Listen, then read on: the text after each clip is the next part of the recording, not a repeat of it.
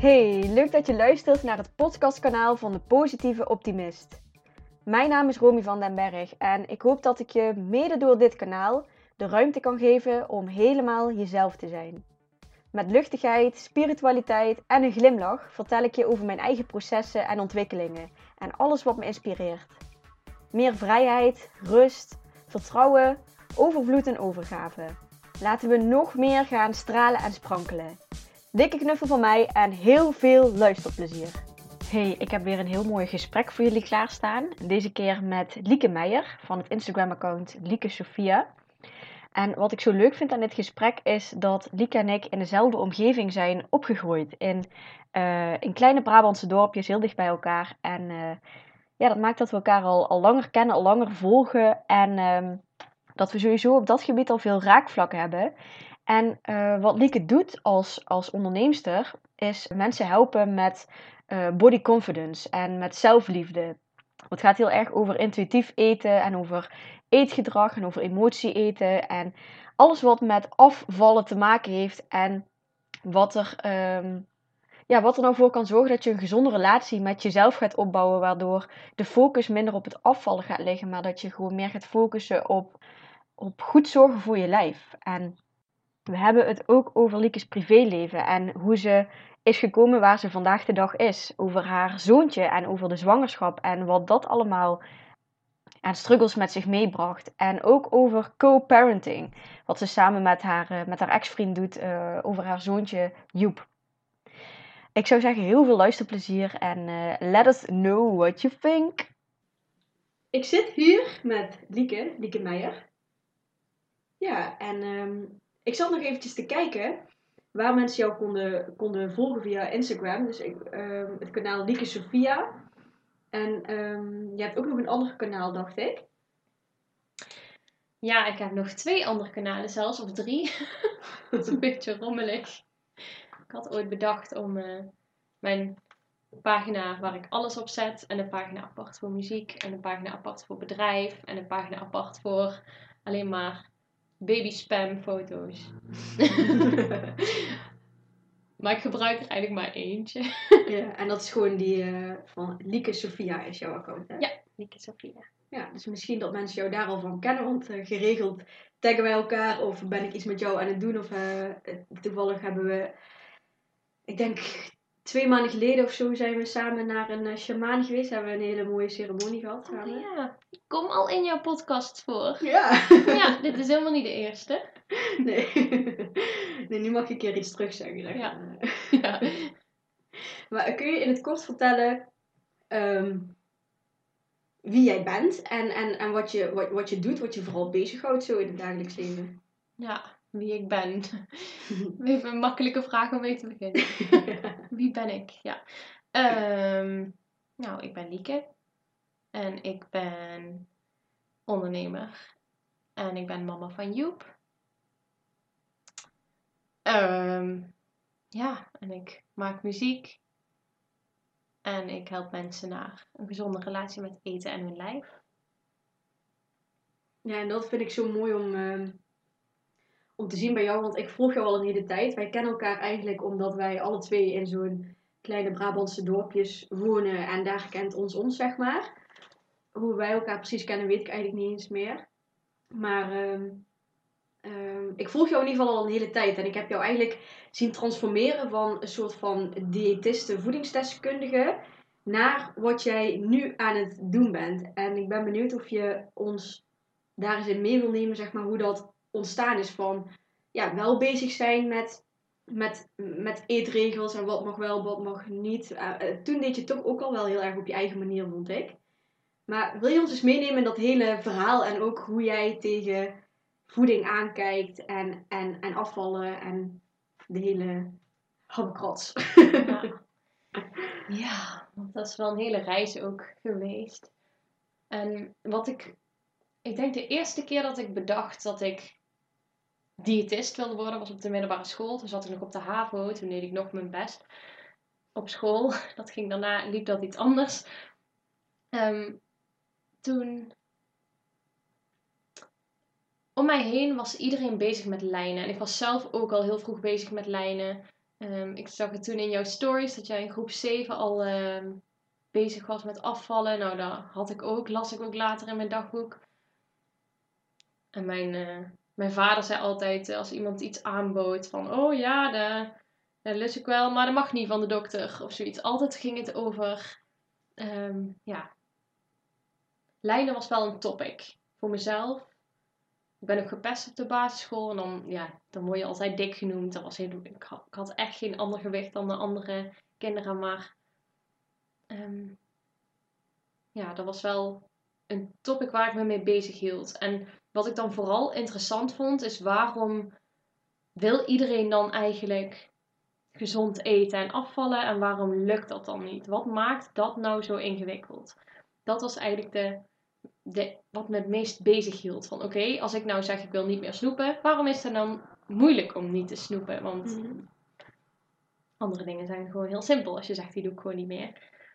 Ehm, en zo kwam ik op het idee om voeding en diëtetiek te gaan studeren. Heb ik dus uiteindelijk niet gedaan, want ik eh, heb me heel druk bezig gehouden met andere dingen op de middelbare school. En toen had ik geen HAVO-diploma.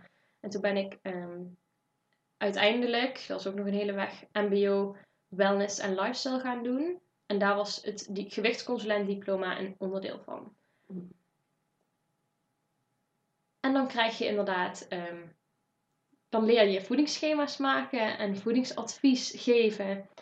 Ehm, en op zich helpt dat wel, want als je wil stoppen met snoepen, als je dan gewoon volwaardige voeding eet de hele dag, dan is het inderdaad veel makkelijker om niet te snoepen. En dat werd ook wel een beetje de basis van mijn bedrijf. Nummer, nog steeds nummer 1 bij, eh, hulp, bij, hulp bij honger. Is eh, eh, checken of je genoeg gegeten hebt. Of als je, eet, als je eetbuien hebt, check eerst of je vooral voldoende eet. Of je niet gewoon honger hebt. Ehm, maar goed, uiteindelijk, als je doel constant is afvallen en slank worden. En het is dan gelukt om die 10, 20 kilo af te vallen. Als jij in jouw hoofd je pat- patroon hebt om constant boos op jezelf te zijn en constant jezelf niks waard te vinden, dan verandert die min 20 kilo daar niks aan. Ehm, en daar kwam eigenlijk gewoon weer een nieuw vraagstuk bij van hoe zit dat dan precies? Ik, ik, en dat is natuurlijk ook een onderdeel van eh, waarom het niet lukt om te snoepen. Ja, ik zat. ehm, ehm, ik vind het heel mooi om te zien hoe jij zeg maar, als startende ondernemer al bezig was met. Ik weet nog dat ik ooit stories van jou gezien heb waarin je vertelde over dat je.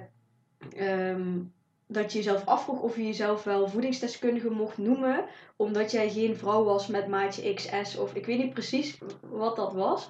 Maar ik weet wel dat dat toen bij jou ook al zo speelde in jouw bedrijf. En ehm, eh, ik vind het gewoon echt super gaaf om die ontwikkeling daarin te zien. En dat je eigenlijk steeds meer echt naar de, naar de kern bent gaan afpellen van wat zit hier nou allemaal onder? Wat maakt dat we allemaal naar zo'n voedi- voedingsdiëtiste gaan om af te vallen, zeg maar.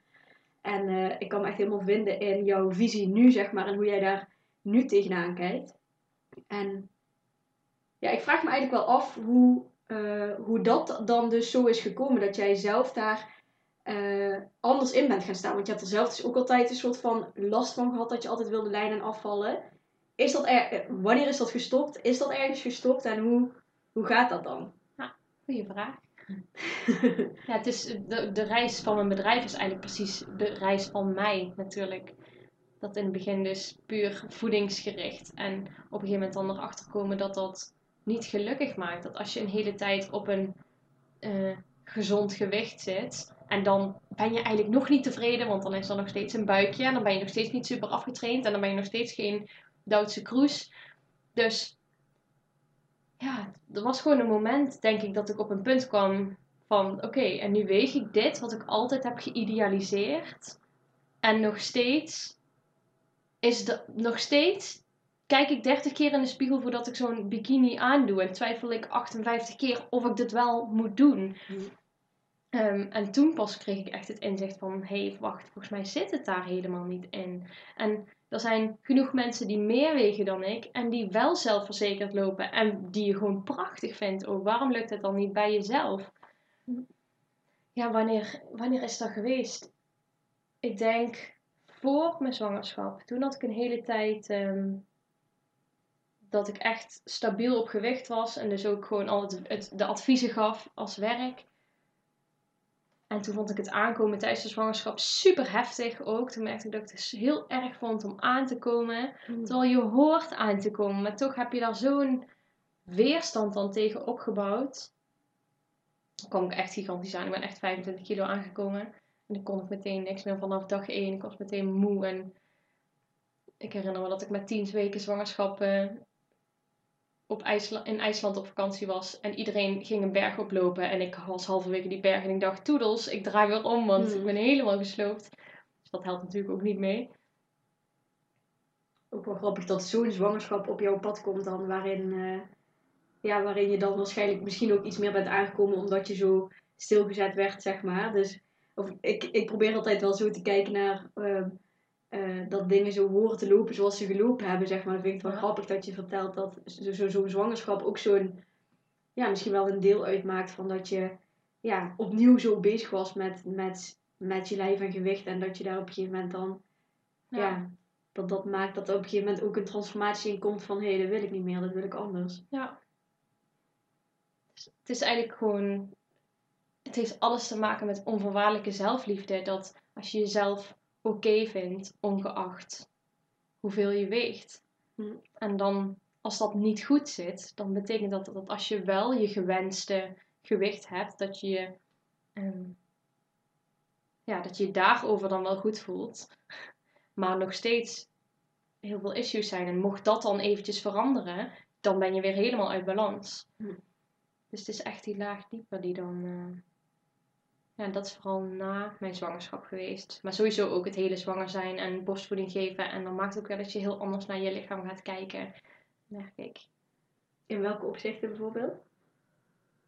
Dat je niet alleen een paspoort bent die er op een bepaalde manier uit moet zien, maar dat je bewust wordt van ehm, hoe je lijf werkt.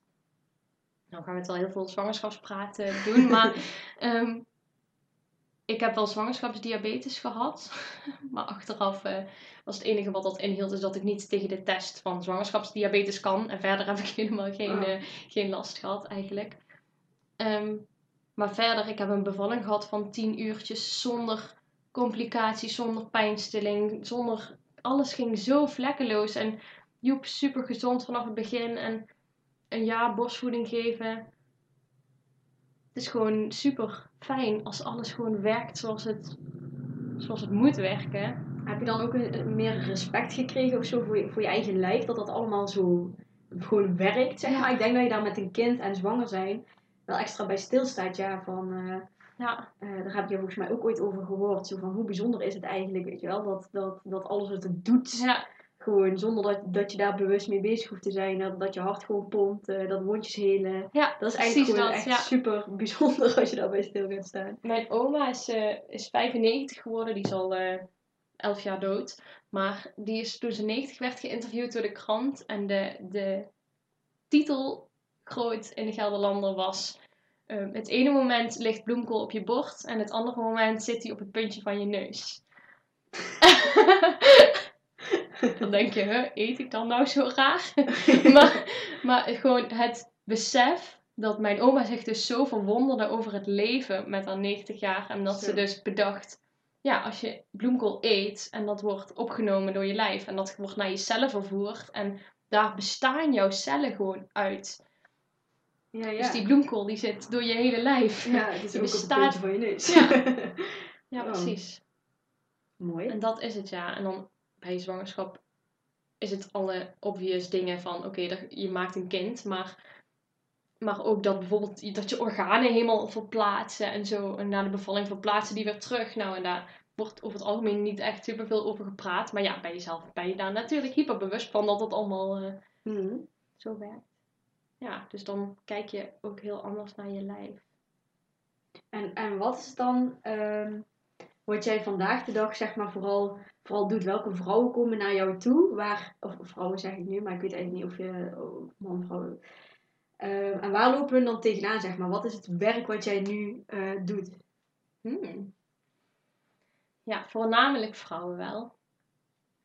Ehm, die inmiddels hebben zich realiseren dat diëten niet de oplossing is. Dus die weten dat het of niet lukt om je aan een dieet te houden, omdat het niet zo makkelijk is als oké, ik beslis om dit te doen, dus ik doe het nu. Of die zelfs al het gewicht hebben gehad wat ze willen door een crash dieet of zo. En daarna weer uh, merken dat, dat dat ook niet de oplossing voor ze is. Dat ze of geen um, relaxe relatie met eten hebben nu. Daar hebben ze wel het gewicht, maar nog steeds geen fijne relatie met eten. Of ook gewoon weer helemaal uh, terug zijn aangekomen. En ik merk dat de meeste mensen toch nog wel als doel hebben om af te vallen. Want dat is natuurlijk wat jouw hoofd heel graag wil. Die wil gewoon, die denkt nog steeds dat gewicht gaat mij brengen wat ik wil. Mm Maar um, de meeste mensen komen er voor hun streefgewicht al achter dat, uh, dat het geluk in hele andere dingen zit. En dat het veel fijner is als je merkt dat je gewoon met trots je kleren draagt. Dat je gewoon jezelf weer super mooi kan vinden.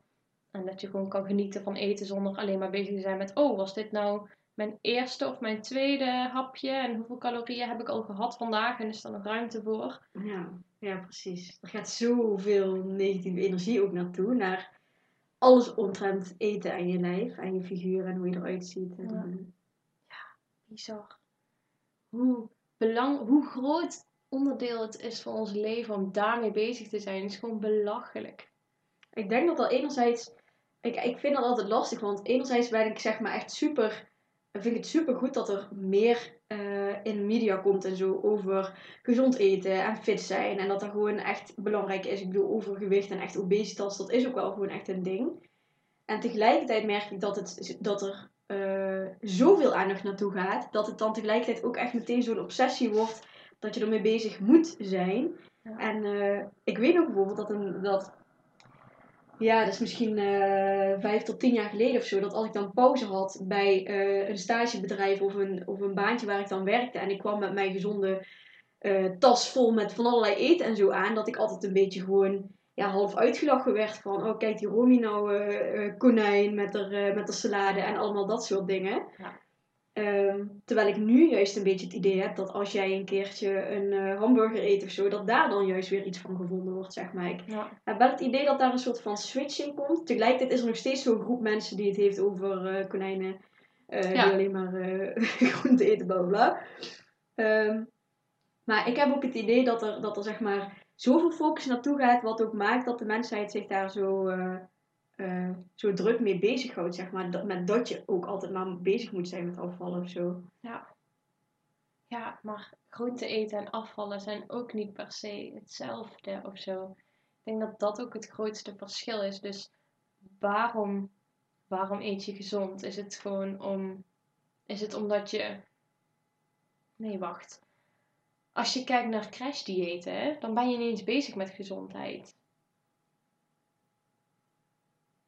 Dus als, als puur alleen gezondheid überhaupt het doel zou zijn, dan krijg je al hele andere, een hele andere aanpak, denk ik. Want dan is stressen over calorieën, is, hoort daar niet bij. Nee, precies. Want gezondheid gaat ook over een stukje mentaal gewoon ontspannen zijn en, niet uh, zo stressvol met eten bezig ja. zijn. Oh. Ja. Ik denk dat stress echt een super grote factor is. Ja. En dan echt het, het, loslaten ook daarin. En niet zo krampachtig alles op een bepaalde manier moeten doen. Dit moet zo en dit moet zo. Want dan ben je het beste gezond. Maar gewoon het dat loslaten. Oh, ik denk echt dat dan heel veel mensen heel gezonder, veel gezonder worden. Ik heb dat zelf ook gemerkt. Ik heb ook ehm, eh, een soort van voedingscoach verleden gehad. En daarom was ik altijd vrij streng voor mezelf. Maar ik voelde me daar ook altijd wel heel goed bij of zo. Ik was gewoon echt echt heel fit en, en energiek. En dan heb je het er gewoon voor over om veel dingen naar voren te laten liggen of zo. Dan zit je gewoon zo lekker in zo'n uh, in zo'n uh, flow. In zo'n flow, ja. Maar op een gegeven moment um, ja, hield ik dat niet meer vol of zo. Of, of wilde ik ook gewoon iets meer um, gaan cheaten of zo, zeg maar. En, en kon ik niet altijd evenveel meer sporten door een baantje wat ik kreeg en zo. Dus toen um, toen ben ik echt, vanuit daar ben ik echt aan de slag gegaan met mijn mindset eigenlijk rondom eten. Omdat ik toen merkte van, ehm, tegelijkertijd was ik toen ook bezig met de wet van aantrekking, love attraction. En wat je aandacht geeft groeit. En waar je op focust, daar krijg je meer van. En ik was alleen maar bezig met, ja, ik moet gewoon heel veel sporten. En ik moet er heel veel voor doen om dit lijf nu te hebben. Dat was echt mijn overtuiging. Ik was altijd wat voller geweest. Toen was het eindelijk gelukt. Maar wel met echt keihard werken. Ja. En toen was een beetje mijn... ehm, toen leek het mij echt super mooi om een soort van mindset, een soort van instelling te krijgen van... ehm, ik kan hetzelfde gewicht houden wat ik nu heb. Met, ehm, eh, met er gewoon veel ontspannender in staan. Als ik veel minder van die negatieve energie daar naartoe stuur. Van wat allemaal moet. En, en ik moet sporten en ik moet dit. En eh, zoveel groenten per dag. En zoveel eetmomenten per dag. Want dan was ik daar gewoon veel meer ontspannen in gaan staan. En ehm, dat die negatieve energie die er normaal naartoe ging, zeg maar, dat als die weggaat, dan kan het misschien best wel zo zijn dat ik ook op gewicht blijf. En dat bleek dus ook zo te zijn. Dat, Ja. dat je gewoon, ehm, ja, met een andere mindset gewoon, dat het, dat het ook echt super belangrijk is voor, voor hoe jij uiteindelijk eh, eruit ziet. ja, en wat je daarmee hebt gedaan is ook het moeten weghalen. Ja, Dus ik moet sporten, ik moet dit doen, want dan pas ben ik energiek en fit en heb ik dit gewicht. ja, En als je dat allemaal niet meer moet van jezelf, want ja, sommige dagen heb je daar gewoon helemaal geen zin in. Ja, zo werkt dat nou eenmaal. En als je het niet meer moet van jezelf, maar je doet het omdat je, omdat je goed voor jezelf zorgt. En omdat je, en de ene dag betekent dat iets, iets anders. De ene dag betekent dat rust nemen en de andere dag betekent dat sporten. Hm. Maar ik denk dat dat moeten iets is waar heel veel mensen weerstand op krijgen. ja, Dat je constant dat moet van jezelf, ja, dat, dat is gewoon niet elke dag hetzelfde. En als je constant elke week drie keer moet sporten en je hebt er een keer een week geen zin in, ja, dan heb je ook standaard al gefaald. Want je hebt iets wat je moet, heb je niet gedaan. Ik, ik moet ook zeggen dat voor mij de druk er ook wel steeds meer op lag of zo. Ook naar anderen toe. Dat je, eh, dat je op een gegeven moment heb je iets bereikt, zeg maar, in je gewicht. En dan wil je dat ook proberen vol te houden. Ja, omdat je ook niet wil dat anderen daarna gaan zeggen van... eh, oh, nou, die is ook wel aangekomen of zo. Oh, ja. Dus dat maakt ook dat die moed dan nog groter wordt. Als je dan inderdaad een keertje besluit... Als je gewoon totaal niet lekker voelt om niet te gaan sporten. En dat je daar dan ook nog schuldig over gaat voelen. Of wel Ja. komt opdagen en jezelf gewoon helemaal eh, kapot werkt. Wat eigenlijk niet eens eh, goed voor je lijf is, zeg maar. Zo hard ook, hè? Ja, Om dat sowieso nog van jezelf te verwachten.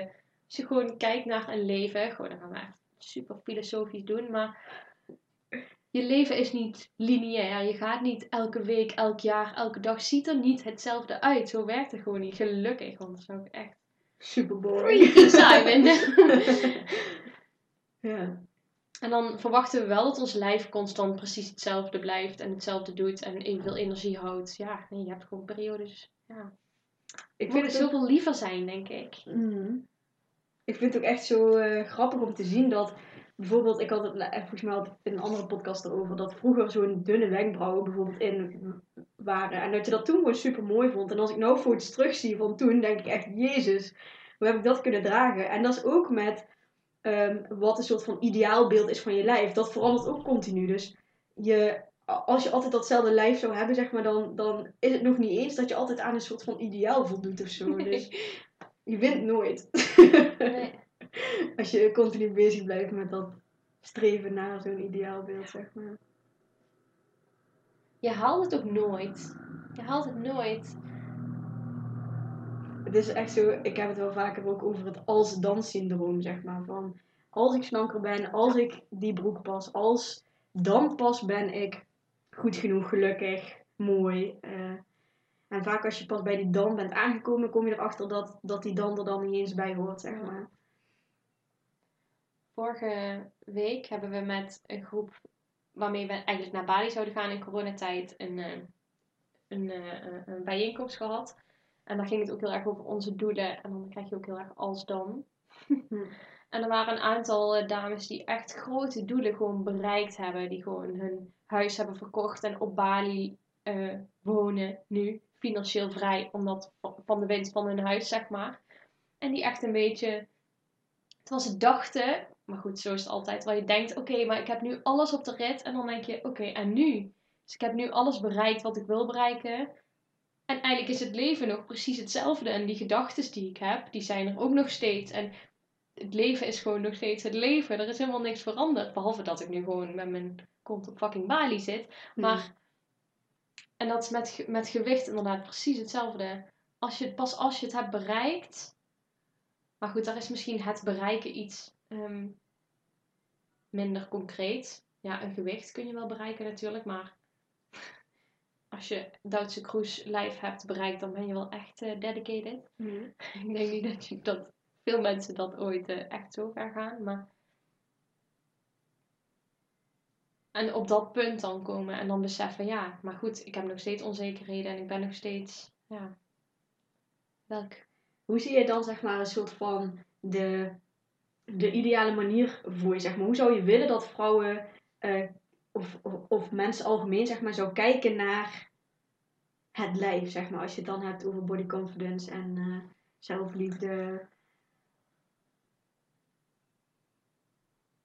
Dat je sowieso jezelf en je lijf altijd goed genoeg vindt en altijd liefdewaardig vindt. En dat je altijd als nummer één prioriteit hebt jezelf en je lijf geven waar het behoefte aan heeft. Dus is dat eten, dan is het eten. Is het rust, dan is het rust. Is het beweging, dan is het beweging. En dat is best wel een reis om te leren kennen, want van alle belangrijke dingen die wij leren op de basisschool en in onze jeugd hoort voelen waar je behoefte aan hebt, daar nog niet tussen tegenwoordig. Dus helaas. Het is echt leren de signalen van je lijf herkennen. En tegenwoordig kom je daar ook bijna niet onderuit, denk ik. Want alle burn-outs die nu komen en zo, die hebben daar allemaal mee te maken. Dat je niet, dat je gewoon doet vanuit je hoofd. Oké, ik moet vijf dagen in de week werken. Mijn tuin moet er mooi bij liggen. Mijn kinderen moeten, uh, wat is het, knutselprojecten uh, doen. Of uh, toneelscholen, brigadieren, weet ik veel. Mm. Maar voelen wanneer jij zelf toe bent aan rust en daar dan ook echt naar luisteren. Wat ook echt uh, volgens mij de nummer één reden van eetbuien is. Is dat je daardoor gewoon dwars doorheen gaat. En dat je lijf alleen maar zegt error, error. En dat jij dan denkt, oh volgens mij uh, ga ik dit nou allemaal even weg, uh, wegstoppen met een zak chips. Mm. Echt dat luisteren naar die, waar ging ik naartoe? Ja, luister, ja inderdaad, luisteren naar je lijf. Gewoon, ja echt je lijf geven waar het behoefte aan heeft en de signalen herkennen.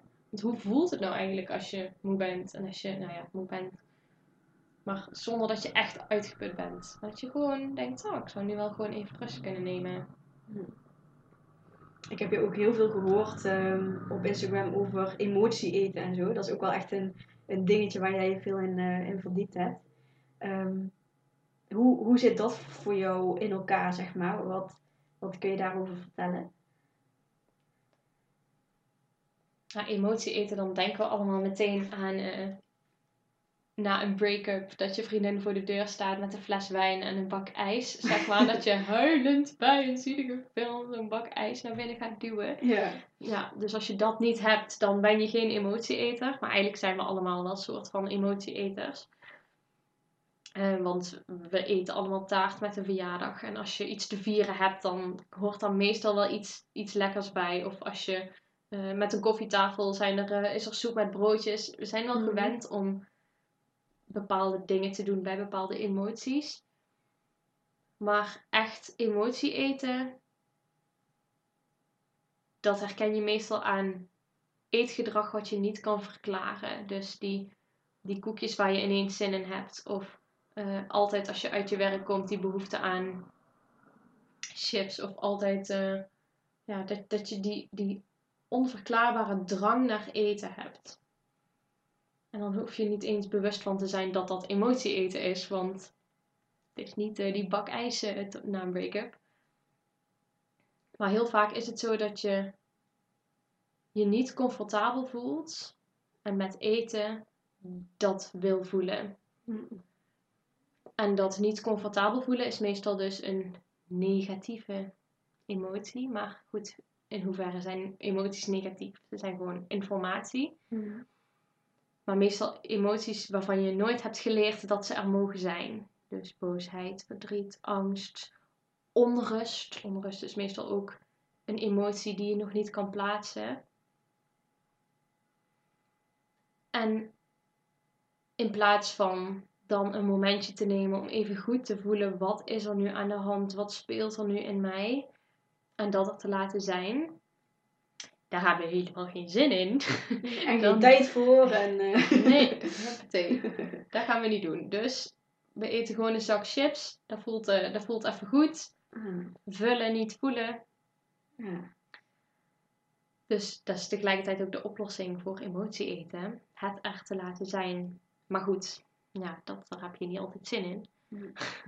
Ja, sowieso dat, dat verstillen en vertragen, ik kom daar zelf ook vaak op terug, is ook wel echt een, een iets wat, wat uh, heel moeilijk is voor, vooral als je nog wat meer in je hoofd zit, zeg maar, dan jouw ego, jouw mind, die wil gewoon continu bezig blijven om maar niet geconfronteerd te worden met die dingen die er zijn als er stilte valt, zeg maar. Want dan kunnen ineens die, die thema's uh, naar boven komen uh, die normaal gesproken altijd weg kan drukken, zeg maar.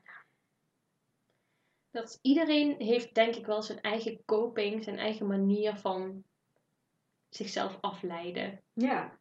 Ja, jij, want uh, ik hoor jou inderdaad al, ja, jij bent in het hele eetproces, zeg maar, emotie eten. Ik denk dat ik dat vooral heb met uh, bijvoorbeeld op een mobieltje scrollen of zo. Ja. Of dat anderen het hebben met Netflixen. Of gewoon je agenda knijtervol proppen, zodat je ook nog niet eens een moment hebt om even alleen ja. te zijn of zo, zeg maar. We kennen allemaal wel mensen die bijvoorbeeld echt niet stil kunnen zitten. Die altijd bezig zijn, die altijd aan het poetsen zijn, die altijd druk zijn. Ja. Dat is ook, dat is allemaal vormen van vermijden van voelen. Ja. Ja. En als we dat maar lang genoeg doen, dan lopen we een keer vast. Want dat, die emoties die gaan net zo lang je achterna totdat ze ruimte krijgen. En dan worden ze steeds zwaarder, steeds um, groter. En steeds, het kost zoveel energie om die te onderdrukken. Hè? Ja, joh, op een gegeven moment is je kracht ook gewoon op om die bal continu onder water te houden, zeg Ja. maar. En dan vloep, eh, springt hij ineens omhoog. Ja. Hm. En wat zijn dan jouw struggles geweest? Slash, heb je nog op het moment als je het hebt over jouw werk en wat je daar dan allemaal in doet? Struggles in mijn werk bedoel je? Ja, op het gebied dus van emotie eten en eh, niet oké zijn met je lijf en zo. Kun je ons En eens meenemen? ja. Nou, emotie eten is mijn coping om niet te voelen. Nou, dus net als dat iedereen die coping heeft, ja, die heb ik echt ook wel heel erg. Ehm, ja, en dat- dat blijft gewoon. Dus ik weet gewoon dat hoe beter ik voor mezelf zorg, hoe minder eetbuien aanwezig zijn. Maar ik denk niet dat ze ooit echt zullen verdwijnen. Het is een beetje net als dat je gewoon dat je, dat je altijd gerookt hebt en er gebeurt iets heftigs in je leven. Ja, dan komt dat dikke kans weer zwakke, terug. zwakke plek of zo. Van, eh, Ja, afgelopen week nog. Joep heeft heel veel driftbuien gehad. En echt heel heftig. En mij slaan en zo. En, oh, en een half jaar geleden heeft hij ook zo'n periode gehad. En toen lukte het me veel beter om afstand te nemen. Maar nu is hij ouder en het is weer zo anders. En ik merk dat ik hem fysiek... ehm, hoe zeg je dat? Hij is veel sterker. Dus normaal gesproken til je hem op of zo. Of zet je hem ergens neer. En nu merk je gewoon dat, dat, allemaal, dat gaat allemaal niet meer. En ik wil hem absoluut niet forceren. Maar goed, dus echt, ik vind het heel erg heftig. Ehm, ik weet wat ik moet doen. Daar eh, ben ik me goed in aan het verdiepen. maar ja, het is gewoon uitdagend en het raakt je gewoon heel erg om te zien dat hij dan zo, zo'n driftbui heeft. hm. Nou ja, dan. Oh, laatst had ik daar een hele ochtend mee gestoeid. En toen smiddags uh, sliep hij eindelijk. En dan weet ik dat wat ik eigenlijk nodig heb, is gewoon voelen, vertragen. Gewoon even keihard huilen. Dat ik het gewoon, dat het zo erg is, die emoties de ruimte geven. Ja, maar dat wilde ik gewoon niet op dat moment. Ja. Dus ik, ik zie het dan gebeuren. Maar dan lukt het me op dat moment niet om dat anders te doen. En dan ga ik gewoon Ben Jerry's eten en Netflix kijken. Wat ik eigenlijk met mezelf heb afgesproken dat ik dat niet meer doe, Netflixen. Zo min mogelijk, omdat het dus ook vermijden is. En ik wil mezelf uitdagen om het zoveel mogelijk aan te gaan. Maar goed, het is ook uh, net als met kinderen dus pick your battles. En dat is bij jezelf ook, ja. Ik denk dat het ook uiteindelijk de kunst is om, om dat er ook gewoon te laten zijn. Dat er, dat, dan heb je nog een soort van... Uh, uh, plusprobleempje. Dat als je dan zo'n uh, emotie eet, aanval, iets hebt gehad, zeg maar. Dat je er dan ook nog van alles van vindt achteraf. Waardoor, waardoor dat ook weer een hele periode daarna weer invloed heeft, zeg maar. Terwijl als je daar ook weer met liefde naar kan kijken van...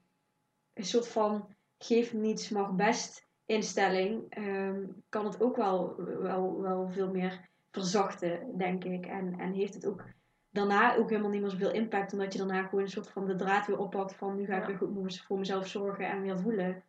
Ja, precies dat ook. Ik kan wel doen alsof ik perfect ben en dat allemaal nooit meer gebeurt. Maar goed, zo werkt het gewoon niet. Hm. En inderdaad, als je dan uh, alleen maar constant boos op jezelf gaat zijn, dan heb je direct weer een nieuwe negatieve emotie om weg te eten. Dus als je die niet zorgt dat die er niet is, dan scheelt dat ook weer. Ja, precies. ja. Nou ja, het is, het is gewoon iets wat je niet moet zien als ik ga eventjes een half jaar daarmee bezig zijn en dan heb ik dat volledig opgelost, weggefixt. En nu ben ik perfect. Ja. ja. Het is gewoon iets wat je door de jaren heen steeds beter leert. Ja, en, en ook het stuk van um, er laten zijn, zeg maar. Ik denk dat dat ook wel iets is waar jij ook veel meer bezighoudt, zeg maar. Dus in plaats van met strijdbijl uh, dingen proberen te veranderen en te fixen. Dat je ook meer een soort van ontspannender in de strijd gaat van... Uh, uh, dat het er ook gewoon mag zijn, zeg maar. In plaats van het weg willen hebben van of zo. Ja. Ja. Omdat het ook echt niet werkte, denk ik hoe harder je strijdt, hoe, hoe gefrustreerder je wordt, denk ik. Mm. En als je dan gewoon nieuwsgierig kijkt naar, oké, dit is dus wat er gebeurt. Ik weet dat ik dit een heftige situatie vind. Ik weet dat ik het dan moeilijk vind om dat toe te laten, terwijl ik het gevoel dat ik hard moet werken op dat moment. Ja, dus het is gewoon weer een mogelijkheid tot reflectie en tot ja, ik weet nog dat jij zei toen laatst van als ik weet dat ik, uh, dat ik meditaties weer over ga slaan, dat is voor mij al een signaal. Dan weet ik, oh, ik ben weer uh, aan het weglopen van iets of zo. Ja, en dat is wat eten eigenlijk voor mij dan bijvoorbeeld is. Ja. Het is ook gewoon een signaal. Ja, het is wel mooi als je van jezelf weet wat jouw uh, strategieën zijn, zeg maar. Ja. Van wat ga ik dan doen? Ja. Ja, die strategieën zijn er gewoon. Ja. dat heb ik al vaak gezegd, hè, het afgelopen is het half uur. Sommige dingen, het, het, is gewoon zo en we moeten daarmee zien te dealen. Ja. ja. Ik uh, wil met jou ook nog hebben over, uh, want ik vind het leuk dat wij hier alle twee zeg maar in de buurt wonen. En ik vind het altijd nog wel een uh, fascinerend fenomeen om hier zeg maar te wonen en te ondernemen. En ook een beetje je kop boven het maaiveld uit te steken wat betreft uh, een soort van um, uh, uitdragen waar jij voor staat en, en, en, en waar je mensen mee helpt en zichtbaar zijn en die hele mikmak zeg maar. Um, ja, we wonen dus alle twee in, in, in zo'n kleine Brabantse dorpjes. Ik heb het idee dat hier altijd nog wel nog iets meer het uh, doe maar normaal, dan doe je al gek genoeg gehalte is of zo. En ook um, het idee van ons kent ons. En, en dat er dan ook, naar mijn idee, meer over elkaar gepraat wordt als dat je bijvoorbeeld in een stad woont of zo. Omdat je elkaar ook gewoon niet eens kent. Sowieso, ja. Uh, dus als je een keertje gaat hardlopen, dan weet je in de buurt dat je bent gaan hardlopen. Omdat dan, uh, oh, ik kwam die van de week tegen. ja. Zoiets, zeg maar. Um, hoe, hoe is dat voor jou, zeg maar? Want voor mij is dat best wel een proces geweest, zeg maar, om daar niet zoveel van te vinden of me door te laten leiden wat, wat anderen van me vinden. Of ehm, ik weet ook niet, ik heb zelf niet echt kritiek gekregen naar mij toe, maar dat ging vaak een beetje via via dat ik dan hoorde wat mensen over me zeiden of zo. Uh, hoe is dat voor jou geweest, zeg maar, in jouw uh, ondernemersreis? Ja. Ik heb denk ik altijd al wel gehad, feel the fear and do it anyway. Dat begon denk ik al met, met zingen toen ik uh, op de basisschool en middelbare school. Van oké, dat is gewoon doodseng, maar goed, ik wil het, dus ik ga het gewoon doen. Ergens ook op een bijna destructieve manier, dat je gewoon head first springt. Mhm. ja. ben daar niet zo heel veel mee bezig geweest. Eigenlijk. Ik heb gewoon altijd heel erg veel vertrouwen gehad in wat ik zelf deed. En dat ben ik gewoon gaan doen. Ik denk dat het ook wel helpt dat mijn ouders daar altijd achter hebben gestaan. Dus ik denk dat als, als andere mensen iets zeiden, dat het heel vaak mij niet eens bereikte. En ik ben ook verhuisd natuurlijk. Van, uh, ik ben toen gaan samenwonen een dorp verder. Mm dat is ook weer een heel ander ecosysteem. en daar kenden ze me niet en daar was ik gewoon de ondernemer of zo. En nu ben ik weer terug verhuisd en ja, ik heb daar eigenlijk helemaal niet zoveel. Uh... dat is eigenlijk alleen maar mooi toch? Ja. Het zegt ook natuurlijk altijd iets over mij, zeg maar, dat dat in mijn leven, zeg maar, uh, wat meer gespeeld heeft. Ja, nou ben ik alleen maar bezig met jezelf durven kunnen zijn. En dus het past ook helemaal bij mijn proces en, en uh, wat, ik, wat ik doe als ondernemer. Um, maar ik was er gewoon nieuwsgierig naar, omdat, omdat het toch wel anders is als in de stad ondernemen, zeg maar, in zo'n kleine dorpjes. Ja, en ik begon natuurlijk niet zo zweverig als jij. Wat dat betreft misschien iets spraakmakender. ja, ik geef gewoon voedingsadvies, zeg maar. Dus je kunt dat heel saai. Um, ja, ik weet niet, misschien vinden mensen daar in eerste instantie ook wat minder van. Inmiddels sta ik natuurlijk in lingeriefoto's op mijn Instagram. Dus misschien dat mensen nu wel iets spraakmakender vinden. Mhm. Maar daar heb ik inderdaad ook wel gemerkt. Dat is wel iets inderdaad wat ik. Uh, wat ik. Uh, maar dat. Ik heb reactie gehad op die, um, op die lingeriefoto's. Dat toen iemand zei van uh, ja, en dan lees je, lees je al die positieve reacties onder, de, onder die foto's. Maar goed, jij weet ook, dat is niet wat ze echt denken. toen dacht ik, nou. um, Maar als je begrijpt waarom ik dat doe, dan geloof ik niet dat er iemand is die daar iets van vindt. En als dat wel zo is, dan dat snappen ze het gewoon niet. Ja, ja dan is het ook een spiegel naar, naar die ander toe waarschijnlijk. Uh, wat je daar dan van vindt uiteindelijk. Ja. ja. Maar het is gewoon een super duidelijke boodschap dat, dat wij stiekem ons, in ons hoofd ons nog steeds vergelijken met Duitse Kroes of ja, ja bikini-modellen in de magazines. En daar lijken wij gewoon niet altijd op. Ja. De meeste mensen niet. Dus als je dan zo meer mensen diversiteit kan laten zien, ja, dat is alleen maar goed. En dan ook daar schoonheid in kan zien. Ja, en als je dat niet snapt, als je dan echt denkt dat ik voor mijn eigen dikke aandacht uh, in mijn lingerie op Instagram ga, dan ja, dan lees je ook niet wat ik erbij schrijf. Nou, dan is de boodschap niet helemaal uh, nee. begrepen. Ik denk dat het dat ook is, dat als je zelf gewoon zo zeker bent van wat je, waar je voor staat, dat het dan de mening van anderen ook gewoon veel minder doet. Hmm. Echt zeker, ja. En op genoeg gebieden onzeker, maar daar dan helemaal niet of zo. Hmm. Ja, dat is fijn ook, want dan maak je de weg ook gewoon een heel eind vrij om gewoon ehm, te gaan doen wat, wat, ja, wat je te doen hebt hier, zeg maar. Want volgens mij voel jij dat ook wel gewoon heel sterk, zo van... Uh, I'm a girl on a mission. Ja. En uh, ik kan niet anders dan dat ik hier uh, me voor inzet, zeg maar. Ja, definitely. En um, um, je hebt het al eventjes gehad over je zoontje, Joep. Mm. En um, ik was ook wel nog even benieuwd hoe jij dat hele um, co-parenting, zeg maar, hoe je dat allemaal uh, voor elkaar krijgt. Want je bent niet meer samen met de, uh, um, met de man waar je zeg maar Joep mee hebt gekregen. Kun je ons eens meenemen in, in uh, dat hele proces? Want ik denk dat dat ook wel echt een heel inspirerend verhaal is. Of in ieder geval een heel herkenbaar verhaal ook voor velen. En ja. dat dat ook wel echt een hele mooie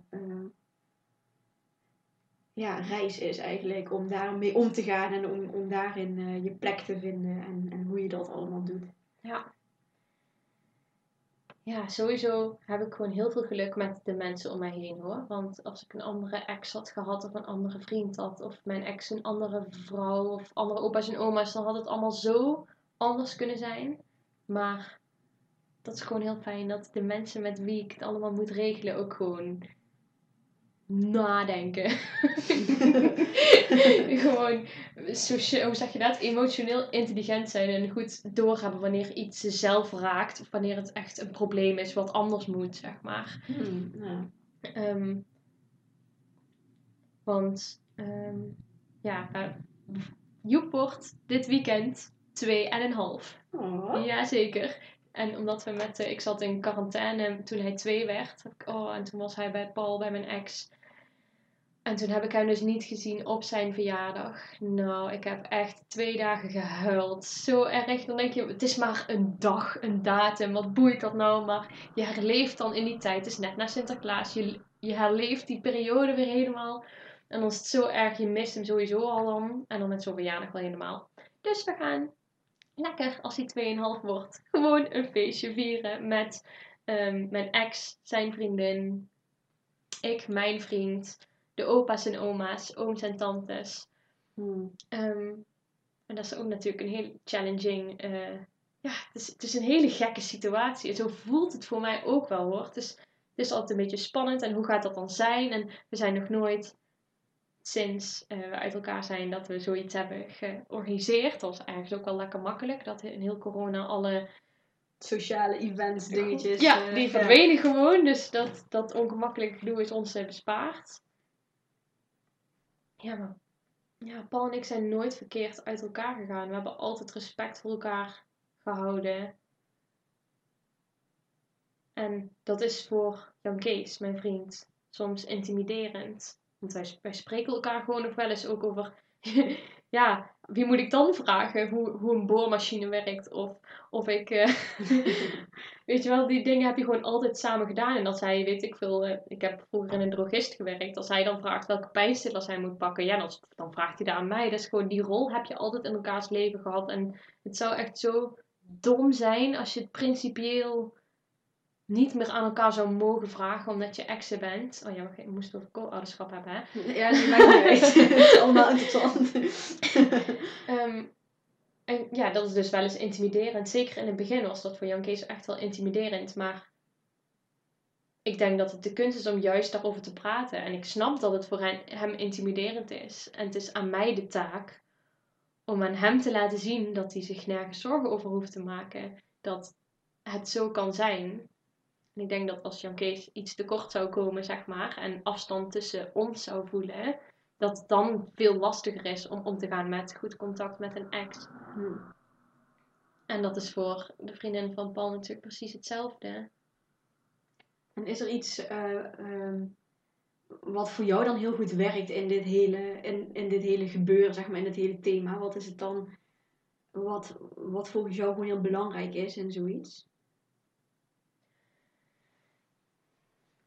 Ja, ik denk vooral dus gewoon je eigen emoties zien.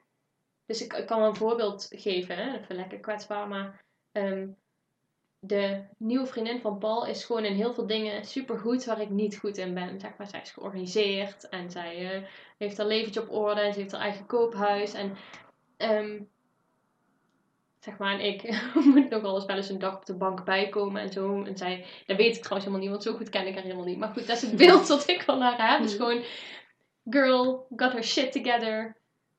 En voor mijn gevoel heb ik dat soms wat minder, zeg maar. En dan ben ik best wel geïntimideerd door het idee dat Joep daar dus echt het perfecte uh, ouderkoppel heeft, zeg maar. Mm. En dat hij dat dan bij mij minder zou hebben. Maar goed, het beseffen dat dat gewoon een angst en een onzekerheid is. En dat dat gedachten zijn die ik heb. Maar dat dat niet per se een waarheid is. Of dat, dat, dat ik daar niks per se mee hoef te doen. Ik mag dat gewoon voelen. Maar het verandert de situatie niks of zo. Ik hoef er niet anders door te reageren.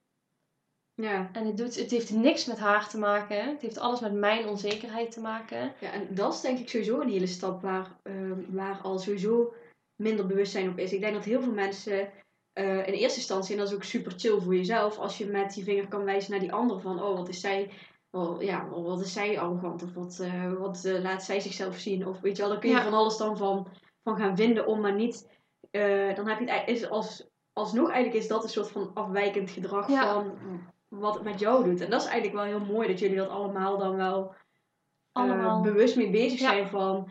eh, ben ik nou aan het projecteren op een ander, zeg maar? Durf, Ja. ik, nu- durf ik nou niet te kijken naar wat het met mij doet? Ja. En ik ben gewoon super dankbaar dus dat, dat, dat, dat gewoon al die mensen gewoon zo doen en zo zijn. Want er hoeft maar één factor te zijn die gewoon het hele plaatje zou kunnen verpesten, zeg maar, die onheil kan schoppen. En deze week gaan we gewoon een superleuk feestje hebben met allemaal en iedereen elkaars, in elkaars waarde latend. En Joep die de tijd van zijn leven gaat hebben, want die vindt het kei gezellig als iedereen bij elkaar is. Dan Mm. is hij echt de prins van het bal, denk ik. Dus hoe heerlijk. Ik heb ook altijd een soort van de droom dat we dan later, later als we groot zijn, eh, op Centerparks twee huisjes naast elkaar zouden kunnen huren, zeg maar. En dat Joep soms bij de ene, soms bij de ander. nou ja. Gewoon met z'n allen kunnen eten, maar ook apart kunnen eten en zo. ja. Dus daar- Dat is wel mooi hoor. En ook fijn dat, ja, dat, dat het zo gaat allemaal. eh. Ja. Ik ehm, was ook nog wel even benieuwd naar ehm, waar, waar je op het moment ehm, vooral mee struggelt of zo. Of, of, of wat een patroon is wat, wat nu weer wat meer eh, om de hoek komt kijken of zo. Of, of wa- wat jou de laatste tijd een beetje bezighoudt. Hmm.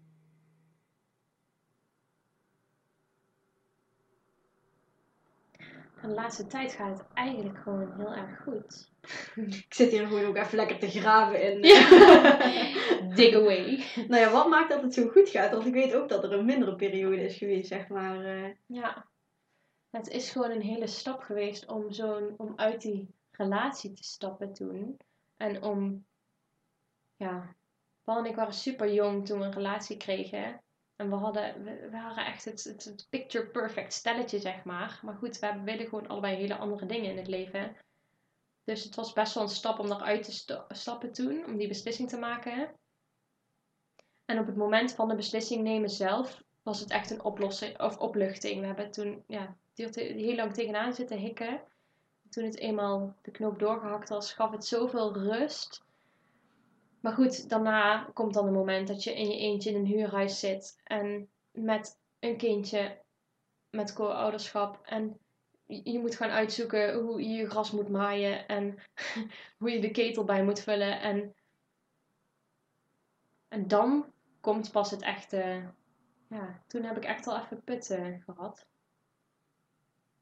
Ook, ook heel erg schuldgevoel hoor. Dat ik merkte dat ik ehm, op het moment van die beslissing wist ik 100% zeker dat het de goede beslissing was. En ik heb er eigenlijk nooit aan getwijfeld. Maar ik heb me wel echt schuldig gevoeld over dat wij ons eigen geluk eh, belangrijker vonden dan Joep zijn papa en mama bij elkaar. Hm. En dat heb ik echt heel erg moeten verwerken hoor. En nog steeds, als hij nu dus zo'n drift bij je heeft, dan denk ik wel... Oh, komt dat doordat we hem op en neer hebben gesleept? Eh, is dat toch niet stiekem een trauma wat eronder zit? Terwijl ik op het moment van beslissen 100% zeker voelde van... Als wij, als het goed met ons gaat, gaat het ook goed met Joep. Als wij dit Mm. gewoon goed doen, dan gaat het amper impact op hem hebben.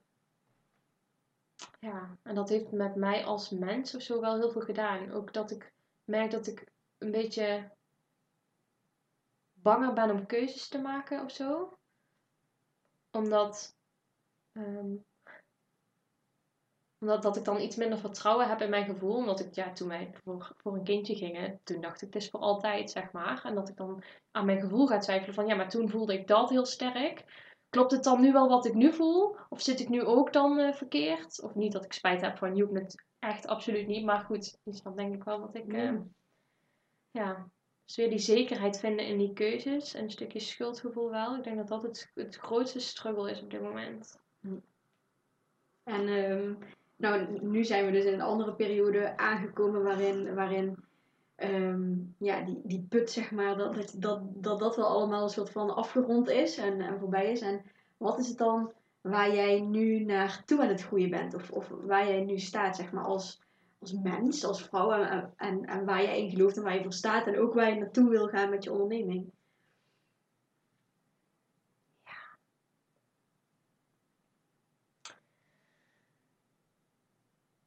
Het voelt alsof ik nu weer ruimte heb om naar buiten te gaan of zo. Dat ik een jaar echt bezig ben geweest met de binnenkant en met mezelf. En dat ik nu weer zo, dat die binnenkant weer zo heel is dat ik het weer uit kan stralen of zo. Is dat gek?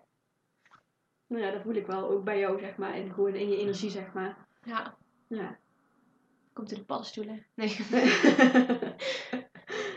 nee, ik zou, echt, ik zou het echt fantastisch vinden als we gewoon een dikke verandering kunnen inzetten. Dat diëten gewoon landelijk verboden gaan worden.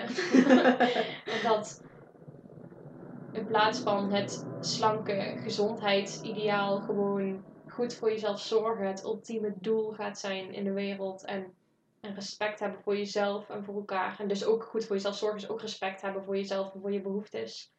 Dat we gewoon geen dochters meer krijgen die in groep 7, net als jij en ik, in hun dagboekje aan het lijnen zijn. Maar dat die gewoon al, al weten dat als ze honger hebben, dat ze moeten eten. En dat ze dat ze altijd gewoon mooi zijn. En dat, die, dat zorgen voor je eigen behoeftes en die verbinding met je eigen lijf. Oh, ik denk echt dat zoveel wereldproblemen opgelost zouden zijn. Gewoon burn-outs, depressies, um, eetproblemen. Zoveel ellende zou voorbij zijn, denk ik, als we dat gewoon... Angststoornissen. Er zijn echt heel veel dingen die te maken hebben met te veel in je hoofd zitten eigenlijk dan... Uh... Ja. Dus daar, uh, ga ik een imperium uh, voor bouwen. ja, mooi. Ja.